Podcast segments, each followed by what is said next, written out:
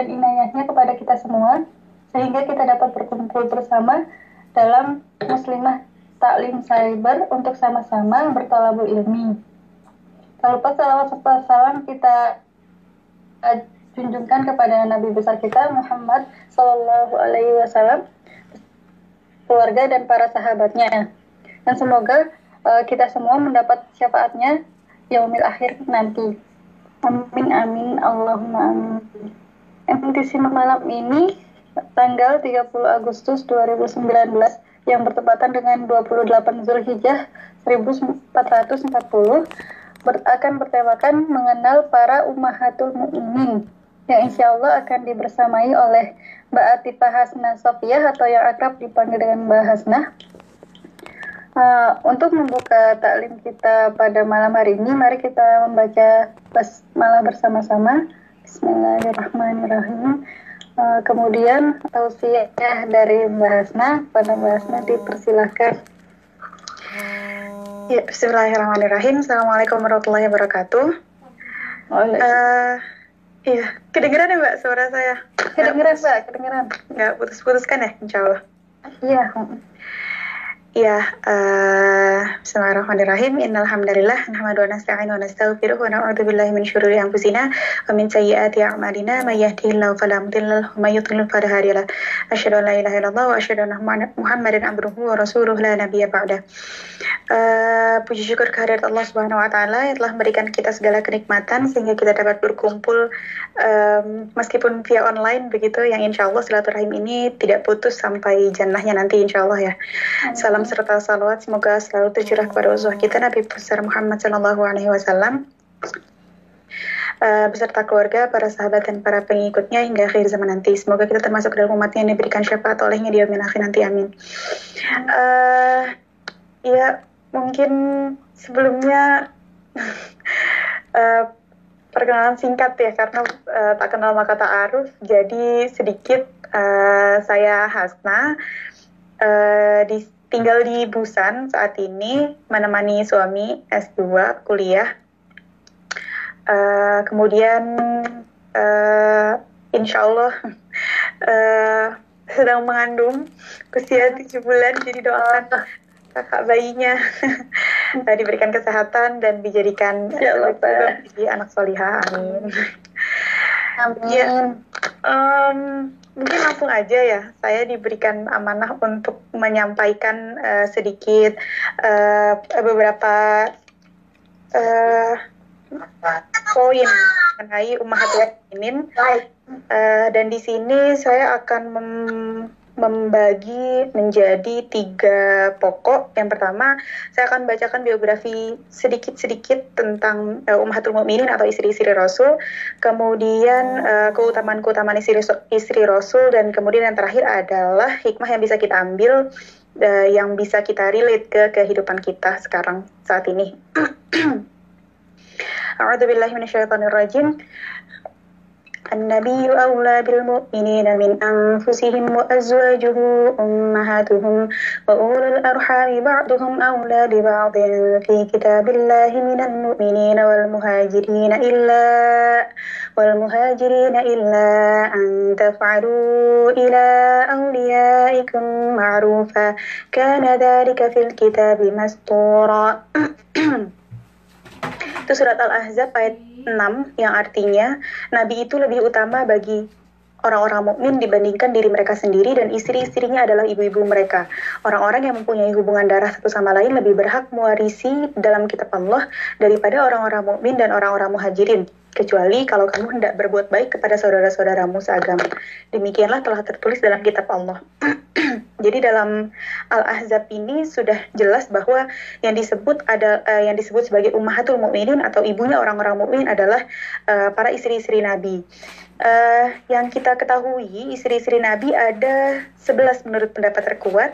Namun sebenarnya ada dua yang lain, tetapi uh, mereka ini belum pernah digauli oleh oleh Rasul dan kemudian diceraikan begitu sehingga dua dua yang ini tidak termasuk ke dalam ummahatul mukminin.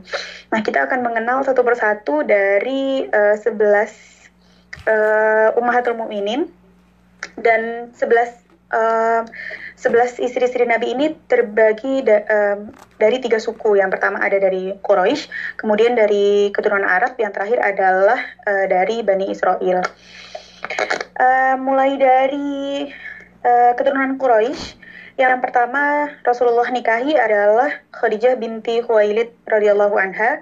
Uh, beliau adalah uh, ibu dari anak-anak Nabi, satu-satunya istri Nabi yang mempunyai yang uh, memberikan Rasulullah keturunan begitu. um, sebelum Rasul ia sebelum Rasul menikahinya, ia dinikahi oleh dua orang, yaitu Atik bin Abid dan Abu Halah At-Tamimi. Uh, jadi uh, keutamaan Khadijah ini adalah uh, Khadijah merupakan salah satu dari 10 orang pertama yang masuk Islam, uh, wanita pertama yang masuk Islam begitu dan sangat-sangat gigih membantu perjuangan Rasul. Khadijah ini disebut sebagai wanita teragung sejagat raya, subhanallah ya. Jadi um, Khadijah ini mem memiliki um, apa ya posisi yang sangat tinggi di hati Rasulullah. Bahkan Rasulullah tidak menikah dengan wanita lain sampai Khadijah wafat, uh, yaitu pada tahun 10 kenabian sebelum Isra Mi'raj di usianya yang ke-65 tahun. Sebagai Bagaimana kita ketahui bahwa dengan Khadijah uh, pada saat Rasulullah umur 25 tahun, kemudian Khadijahnya berumur 40 tahun begitu ya. Um, dan kemudian keutamaan yang lain adalah um, Allah dan malaikat Jibril secara langsung memberikan salam kepadanya uh, seperti yang diriwayatkan uh, oleh Bukhari dan Muslim yang artinya pada suatu hari Jibril datang menemui Nabi dan berkata, "Wahai Rasulullah, inilah Khadijah radhiyallahu anha yang datang membawa wadah berisi lauk, makanan atau minuman. Apabila ia datang kepadamu, maka sampaikanlah salam dari Robnya dan salam dariku. Berikanlah kabar gembira kepadanya dengan sebuah rumah di surga dari bambu yang indah dan tidak ada suara teriakan dan tidak ada keletihan di dalamnya." Subhanallah. Jadi uh, begitu mulianya Khadijah sehingga uh, dapat tempat spesial nggak cuma di hati Rasul begitu tapi juga di um, uh, di mata Allah dan malaikat begitu. Uh, kemudian uh, Khadijah ini juga memiliki keutamaan yaitu um, uh, apa namanya peneman uh, intinya jadi orang pertama yang um, menjadi pendukung Rasulullah ketika di awal-awal masa uh, penyebaran Islam.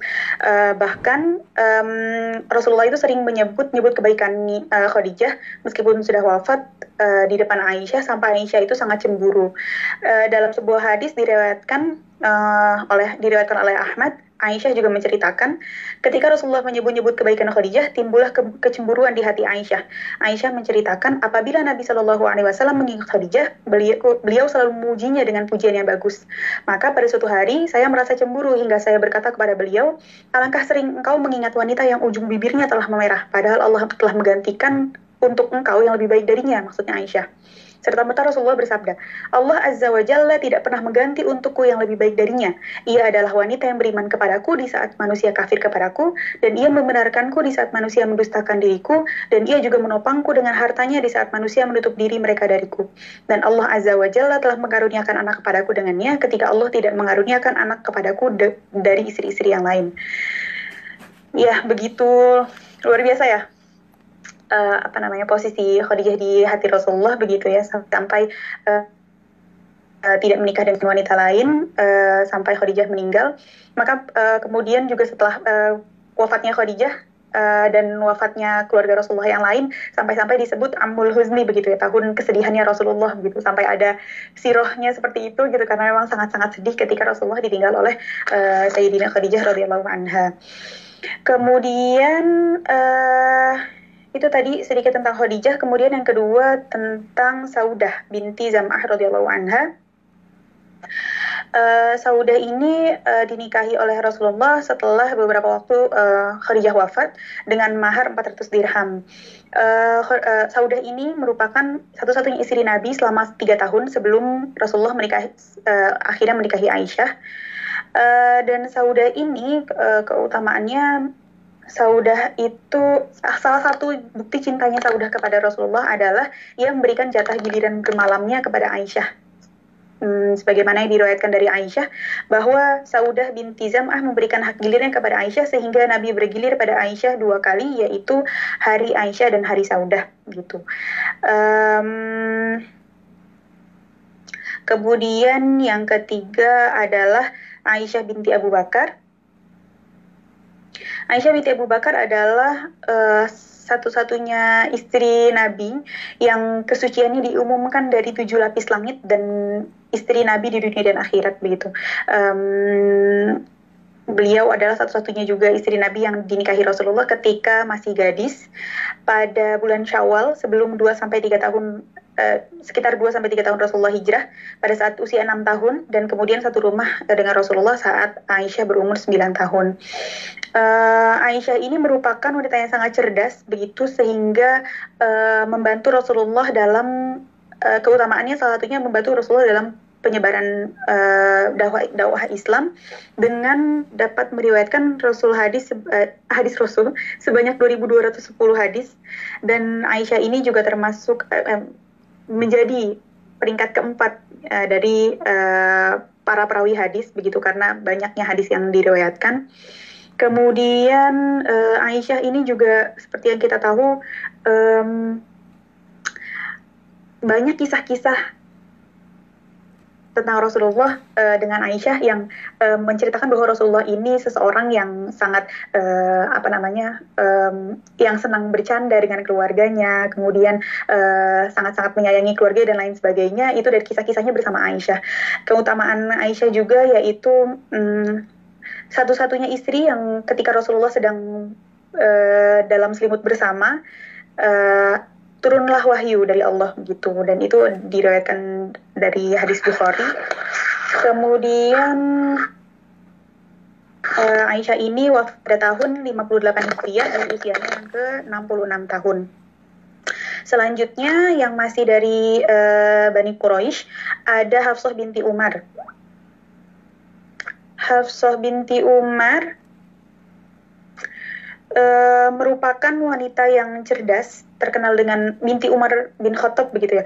Wanita yang cerdas, giat membaca dan menulis semenjak kecil begitu. Kemudian dinikahi oleh Rasul pada tahun ketiga Hijriyah dengan mahar 400 dirham.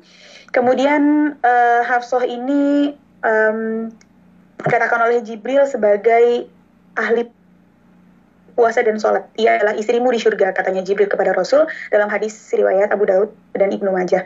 Kemudian Hafsah juga menjadi rujukan dalam masalah hadis-hadis dan ibadah dan berhasil meriwayatkan sebanyak 60 hadis uh, Rasulullah. Dan kemudian Hafsah ini juga diamanahkan sebagai penjaga lembaran-lembaran Al-Quran yang ditunjuk oleh Abu Bakar pada saat kehalifahan Abu Bakar. Uh, Hafsah wafat pada tahun 41 Hijriah. Kemudian yang kelima, Ummu Salamah uh, binti Abu Umayyah yang dinikahi pada tahun keempat Hijriyah setelah ditinggal wafat oleh suaminya yaitu Abu Salamah uh, yang wafat dalam perang Uhud. Jadi Ummu Salamah ini terkenal dengan kesabaran dan ketabahannya, begitu kemudian dengan, terkenal juga dengan parasnya yang cantik jelita, pikiran yang kuat, pandangan yang cerdas, yang sampai-sampai setelah wafatnya Abu Salamah dipinang oleh Abu Bakar ditolak. Kemudian dipinang oleh Umar ditolak lagi. Namun mm, ketika Rasulullah meminang uh, tidak ditolak gitu ya. Kemudian um, dapat meriwayatkan 378 hadis uh, dan wafat pada tahun 61 Hijriah. Kemudian yang keenam adalah Ummu Habibah atau Ramlah binti Abu Sofyan.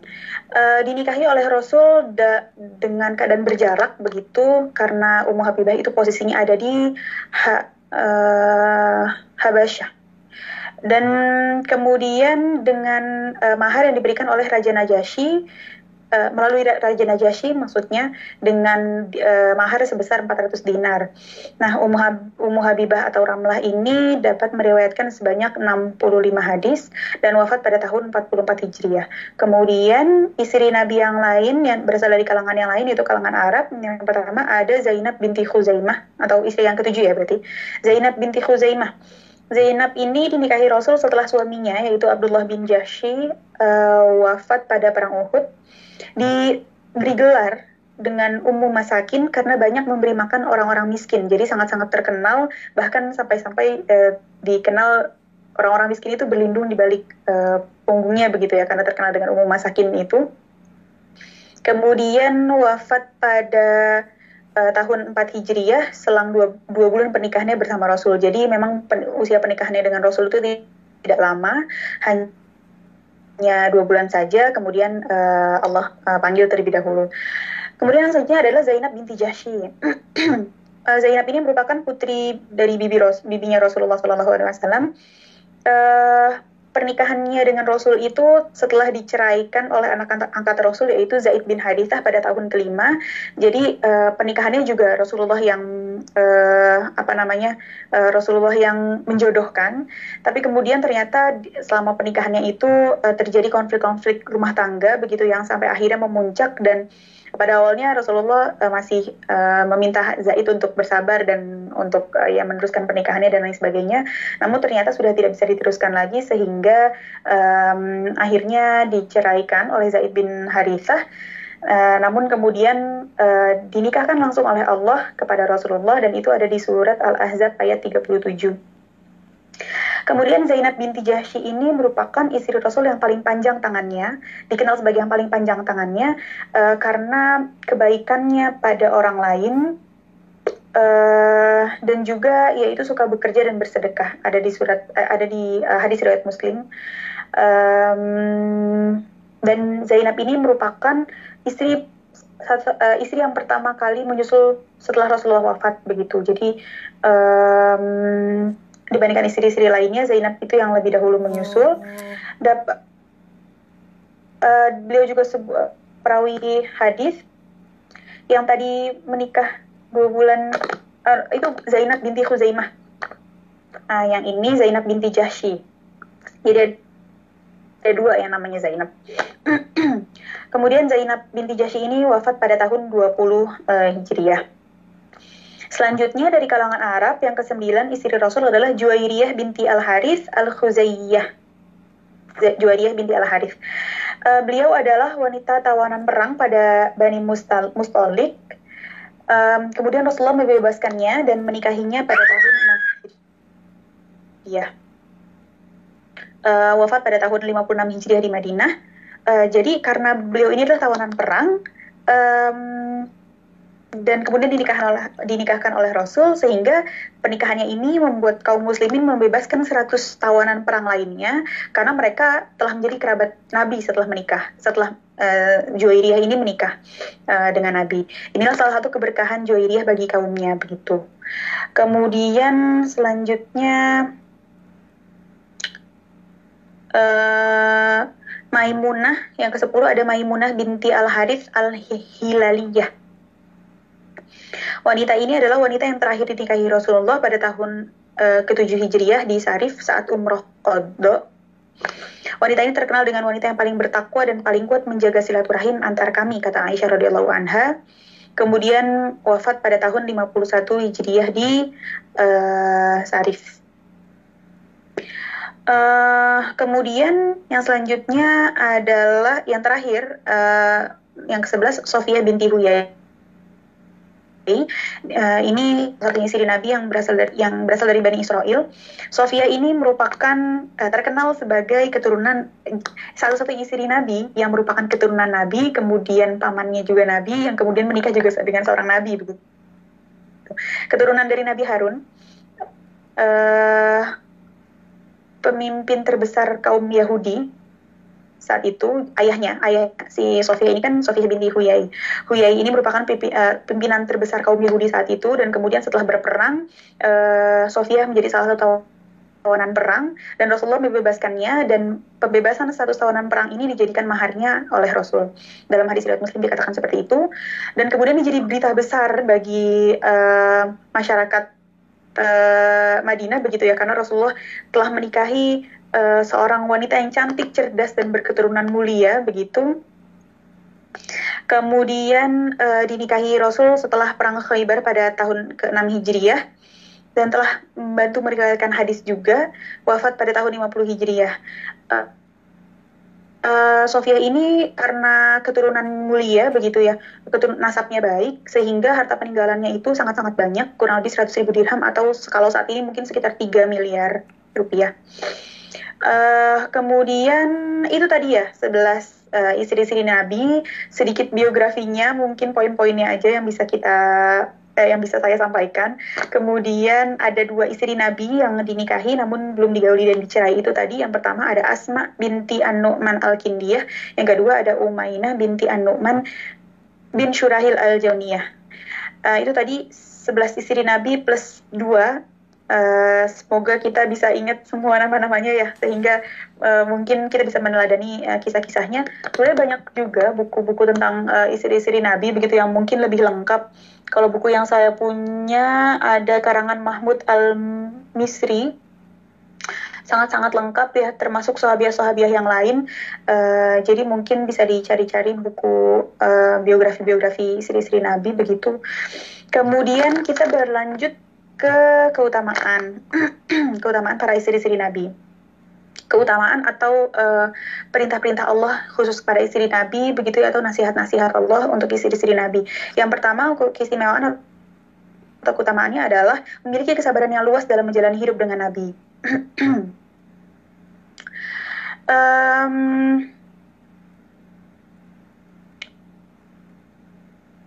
Jadi uh, istri-istri Nabi ini juga merupakan manusia biasa ya, bukan malaikat gitu sehingga mereka pun pernah uh, berbuat khilaf sebagaimana wanita-wanita yang lainnya. Dalam surat At-Tahrim ayat 4 artinya jika kalian berdua taubat kepada Allah maka sesungguhnya hati kalian telah condong kepada kebaikan. Di kalian berdua ini uh, yang dimaksudkan adalah Aisyah dan Hafsah yang pernah membantah Rasul yang kemudian dalam kisahnya kemudian istri-istri nabinya nah, istri-istri nabi itu bertaubat dalam surat Al-Ahzab ayat 28 sampai 29. Wahai Nabi, katakanlah kepada istri-istrimu jika kalian menginginkan kehidupan dunia dan perhiasannya, maka kemarilah supaya aku berikan kepada pemutah atau pemberian harta dan akan kuceraikan kalian dengan cara yang baik. Dan jika kalian menginginkan Allah dan Rasulullah serta menginginkan negeri akhirat, maka Allah akan menyediakan balasan yang besar bagi siapa saja yang berbuat kebaikan. Uh, Ibnu Kasir rahimahullah berkata, ini adalah perintah dari Allah kepada Rasulnya untuk memberikan pilihan kepada istri-istrinya untuk diceraikan sehingga bisa menikah dengan lelaki lain yang bisa memberikan gemerlap dunia dan perhiasannya kepada mereka atau bersabar bersama Nabi Shallallahu Alaihi Wasallam dengan kesempitan hidup tapi mereka akan dibalas dengan pahala yang berlimpah. Lalu mereka radhiyallahu anha lebih memilih Allah dan Rasulnya serta serta negeri akhirat. Setelah itu Allah mengumpul, mengumpulkan untuk mereka kenikmatan dunia dan ke, kebahagiaan kebahagiaan akhirat itu dari tafsir Ibnu Katsir Kemudian yang kedua, jika berbuat baik akan dilipat gandakan dan jika berbuat fahisyah akan dilipat gandakan pula. Dalam surat uh, Al-Ahzab ayat 30 sampai 31 diceritakan uh, yang artinya wahai istri-istri Nabi barang siapa di antara kalian melakukan fahisyah dengan nyata maka azabnya akan dilipatkan dilipat gandakan dua kali lipatnya dan itu mudah bagi Allah. Jadi uh, fahisyah ini disebut para ahli, ahli tafsir sebagai perbuatan yang keji, yaitu adalah dosa yang dihasilkan di antara dua pihak. Ummahatul mukminin adalah wanita-wanita yang terhormat dan paling menjaga kesuciannya begitu. Namun ketika Allah memperingatkan bahwa mereka akan menanggung dosa dua kali lipatnya jika mereka melakukan perbuatan keji itu bersama lelaki lain. Sebab Rasulullah SAW adalah lelaki yang sangat cemburu dan Allah pun lebih cemburu lagi. Jadi uh, ada kisah saat bin U saat bin Ubadah um, berkata bahwa seandainya saya melihat seorang lelaki berdua dengan istriku, sungguh aku akan memenggal lehernya tanpa ampun. Lalu orang-orang yang mendengar ini merasa takjub. Kemudian kabar ini sampai kepada Rasulullah SAW. Kemudian beliau bersabda, apakah kalian takjub dengan kecemburuan saat? Demi Allah, sungguh saya lebih cemburu daripada dia dan Allah lebih cemburu daripada aku. Karena kecemburuan inilah Allah mengharapkan fahisyah yang nampak namun yang nampak maupun yang tersembunyi. Dalam hadis riwayat Bukhari dan Muslim uh, diriwayatkan begitu ya. Uh, jadi uh, tadi ya tidak hanya perbuatan kebaikan tapi juga uh, perbuatan uh, terbu perbuatan buruk pun Allah lipat gandakan pula dosanya. Kemudian yang ketiga dari dari keutamaan istri-istri Nabi atau ummahatul ini Allah menasihati untuk tidak lemah gemulai saat berbicara kecuali pada Rasul. Ini dalam surat Al-Ahzab ayat 32. Uh, yang artinya wahai istri-istri Nabi kalian tidaklah sama dengan wanita-wanita lainnya maka jika kalian bertakwa janganlah gem lemah gemulai dalam berbicara karena akan menjadikan sangat bernafsu orang yang di dalam hatinya ada penyakit dan ucapkanlah ucapan yang baik. Uh, Ibnu Kasir berkata makna ayat ini adalah wanita tidak boleh berbicara dengan lelaki asing layaknya berbicara dengan suami sendiri gitu. Uh, uh, dalam tafsir At-Tabari Ikrimah berkata tentang ayat karena akan menjadikan orang yang di dalam hatinya ada penyakit yaitu syahwat zina begitu orang orang-orang yang ada keperluan dengan istri-istri Nabi Shallallahu Alaihi Wasallam, terutama Aisyah adalah sahabat-sahabat yang utama kebanyakan adalah perawi hadis. Jadi uh, karena tadi ya banyak istri-istri Nabi yang merupakan um, rujukan para sahabat dalam ahli dalam fikih, dalam tafsir ibadah dan lain sebagainya, uh, maka tidak menutup kemungkinan uh, apa namanya uh, um, sahabat-sahabat ini mencari tahu langsung dari sumbernya gitu dari uh, istri Nabi salah satunya yaitu Aisyah uh, karena telah meriwayatkan banyak hadis. Namun Allah uh, menyuruh mereka untuk berbicara dari balik tabir. Dalam surat Al-Ahzab ayat 53 dikatakan uh, yang artinya dan jika kalian meminta suatu keperluan kepada mereka maka mintalah dari belakang tabir karena itu lebih suci bagi hati kalian dan hati mereka. Dalam tafsir Al-Tabari dikatakan uh, Imam At-Tabari berkata, Allah Subhanahu wa taala menuturkan permintaan keperluan kalian kepada mereka jika dilakukan dari belakang tabir akan lebih suci bagi hati kalian dan mereka karena tidak berpandangan mata yang menyebabkan terjadinya sesuatu di hati lelaki pada perempuan dan hati perempuan pada lelaki. Dan hal itu lebih selamat untuk menghalangi setan membuat jalan. Gitu. Kemudian keutamaan yang selanjutnya adalah dimuliakan oleh Allah dan Rasulnya dan pahala dua kali lipat dibandingkan wanita-wanita yang lainnya. Ini juga dalam surat Al-Ahzab ayat 31 sampai ayat 32 uh, eh, yang artinya uh, wahai istri-istri Nabi kalian tidak seperti wanita-wanita yang lainnya jika kalian bertakwa. Kemudian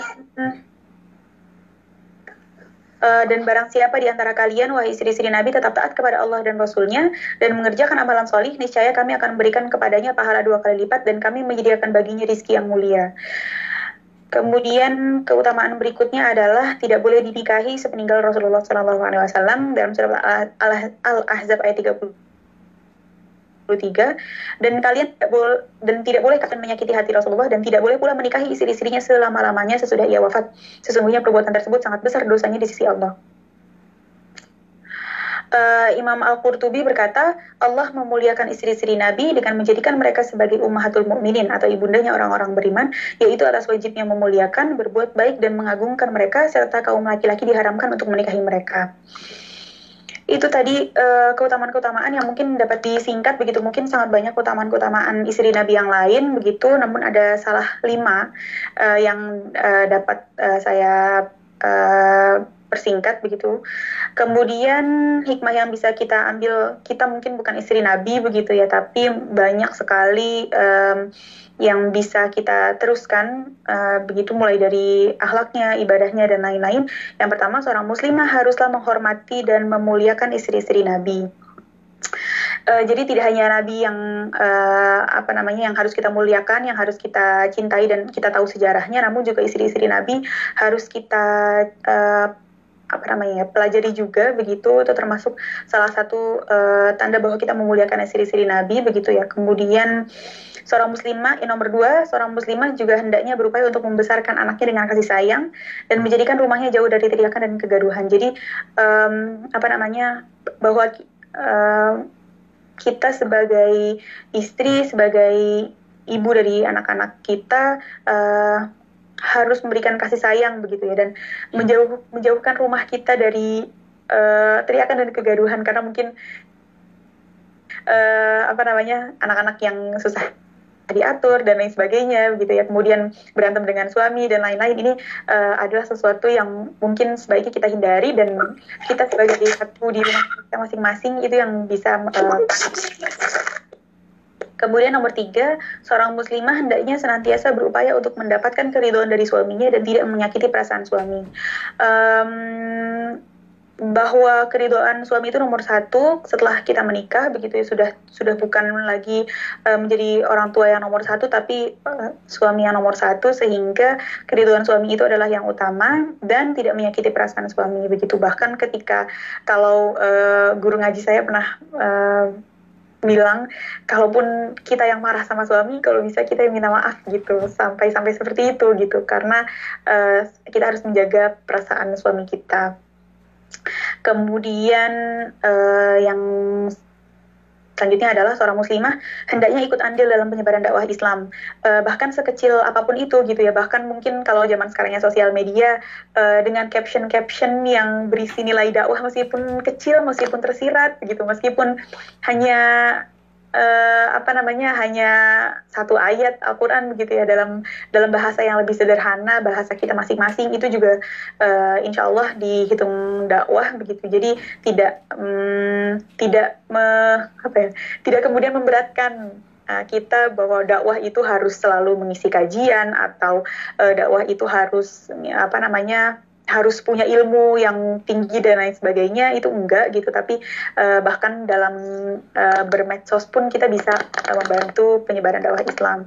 Kemudian yang terakhir adalah seorang muslimah hendaknya gemar bersedekah terutama pada kerabat yang miskin. Um, ini juga yang menjadikan kita uh, berat timbangan amalnya begitu ya uh, agar bisa membantu kita juga nanti di yaumil akhir ketika perhitungan amal bersedekah itu juga uh, sangat uh, banyak uh, manfaat yang bisa kita dapatkan di dunia maupun di akhirat. Um, mungkin itu yang bisa saya sampaikan. Uh, mohon maaf kalau terlalu cepat, kayaknya emang ngomongnya kayak gini ya. Jadi uh, semoga bisa diterima dengan baik. Uh, selanjutnya ada sesi tanya jawab mbak atau gimana? Iya ada mbak. Ya, makasih ya mbak. Jazakillah. Khairat, Mbak iya Ki. Saya buka sesi tanya jawab.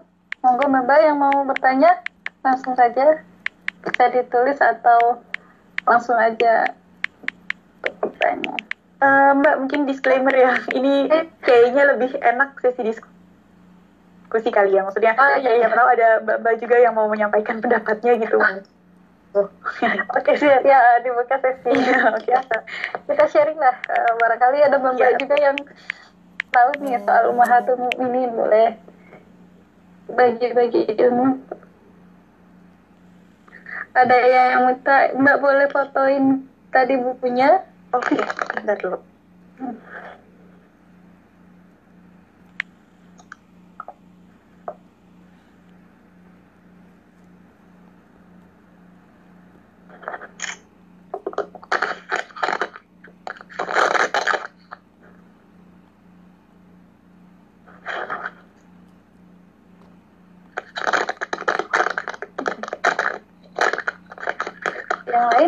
barangkali ada yang mau mau bertanya atau berdiskusi atau sharing atau pernah baca kisah yang lain jadi kita jadi sama-sama tahu ada kisah-kisah yang lain. Aha, juga mbak. Mbak saya mau tanya sih mbak, saya dulu nih. Iya mbak. Itu mbak yang dua istri Nabi yang diceraikan sebelum digaul itu gimana ya mbak cerita apa sih mungkin detailnya kenapa dicerit eh kenapa diceraikan gitu. Pernah dengar sih tapi cuma sekilas sekilas aja. Belum tahu gitu. Uh, sama sih sebenarnya. Cuma di sini dari sumber yang aku baca sebenarnya penjelasannya juga kurang lengkap ya. Tapi ya udah aku bacain aja ya. Yeah. um, Rasulullah eh, untuk Asma binti An-Nu'man Al-Kindiyah Rasul Rasulullah Shallallahu Alaihi Wasallam menikahinya lalu menceraikannya. Para ulama berbeda pendapat tentang sebab perceraiannya. Ibnu Ishaq menyata, mengatakan bahwa karena Rasulullah mendapati warna putih pada bagian tubuhnya antara dengan tulang rusuknya. Jadi seperti itu alasannya. Oh, alam juga sih ya. Ini um, uh, ada di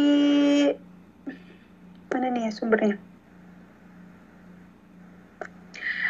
Jalaul Afham fi solati wassalami ala khairil an'am halaman 172 jadi walau alam ya ini dari buku yang insya Allah uh, apa namanya sejarahnya sohi kemudian yang kedua ada Umayyah binti ketika ketika Rasulullah menikahinya maka ia mengatakan kepada Rasulullah aku berlindung kepada Allah darimu. Jadi lalu kemudian Rasulullah menceraikannya. Jadi mungkin itu tadi ya yang kedua jelas alasannya berlindung kepada Allah darimu. Itu mungkin suatu hal yang kurang apa ya mungkin kurang pas. Harusnya kan uh, apa namanya uh, kita nggak kayak gitu ya berlindung pada Allah. Karena menikah dengan Rasulullah kan ya udah harusnya kan masing-masing ya. Kalau soal amalan dan lain sebagainya atau misalnya dia melakukan suatu maksiat um, ya itu jadi dosa masing-masing juga begitu bukan? Terus jadi akhirnya berlindung kepada Rasulullah gitu Iya yang saya pernah dengar tuh yang asma itu pertama katanya ada luka di tubuhnya tapi kok sebelumnya tidak diberitahu gitu sih. Ada tidak kejujur, eh, ada ketidakjujuran. Iya iya benar itu. Itu bukunya udah uh, saya share ya. Ada series pertama dan kedua. Iya mbak, kasih ya mbak. Iya sama-sama. Ada yang ingin bertanya? Mbak Mbak.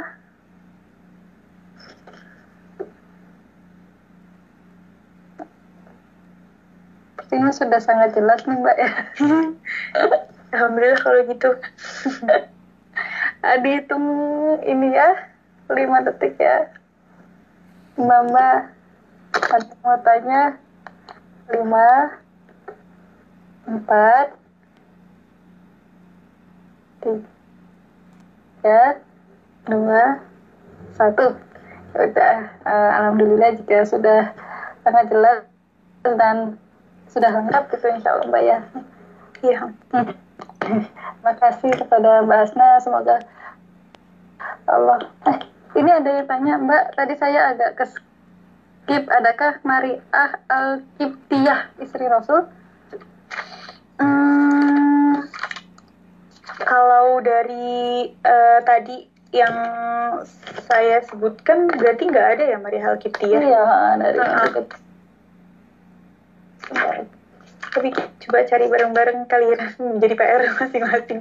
Pernah dengar juga sih Maria Alkitia, tapi kurang paham. Allah alam termasuk ke dalam ummu uh, iya ummahatul mu'minin atau tidak? Tapi enggak sih berarti kalau dari yang pendapat terkuat itu kan 11 tadi ya. Itu kata Mbak Ana, iya ibunya Ibrahim. Ibunya Ibrahim bukannya yang meninggal. Iya beliau melahirkan satu putra namanya Ibrahim. Oh iya, tapi budak ya. Mungkin jadi tidak terma tidak termasuk kali ya. Kan kalau uh, selir-selirnya Rasulullah juga sebenarnya ada ya yang lain. Tapi jadi tidak termasuk ke dalam ummahatul mukminin itu tadi. Hmm. Hmm. Jadi dari kalangan hamba sahaya juga uh, ada gitu yang jadi istri Nabi. Eh, maksudnya yang di, digauli oleh Rasul itu juga ada. Hmm. Ini karena fokusnya ke ummahatul mukminin itu ya tadi, jadi akhirnya 11 yang disebutin. Hmm. Ya, ini ada sharing dari Mbak-mbak ya. Iya. Mari ah, ke hadiah dari Raja Mesir. Hmm.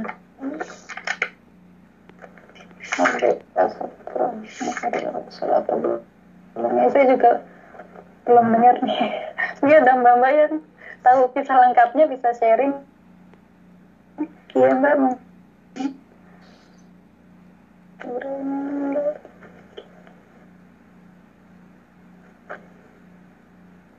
kalau nggak ada nggak apa-apa. Nanti ini kan sebagai pemantik Baba mungkin bisa cari uh, referensi soal beliau gitu ya.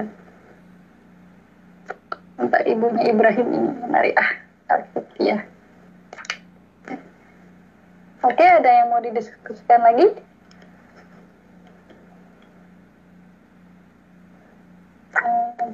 Jika tidak uh, langsung ditutup aja ya Nah, terima kasih banyak kepada Mbak Hasna. Jazakillahu khairan kathir. Semoga Allah membalas dengan sebaik balasan. Amin. Saya akhiri uh, dengan doa kafarat majlis. Subhanakallahumma wa bihamdik. Asyhadu an la ilaha illa anta astaghfiruka wa atubu ilaik. Terima kasih kepada para peserta yang telah hadir. Uh, mohon maaf jika banyak salah dari saya dan tim MTC. Wassalamualaikum warahmatullahi wabarakatuh.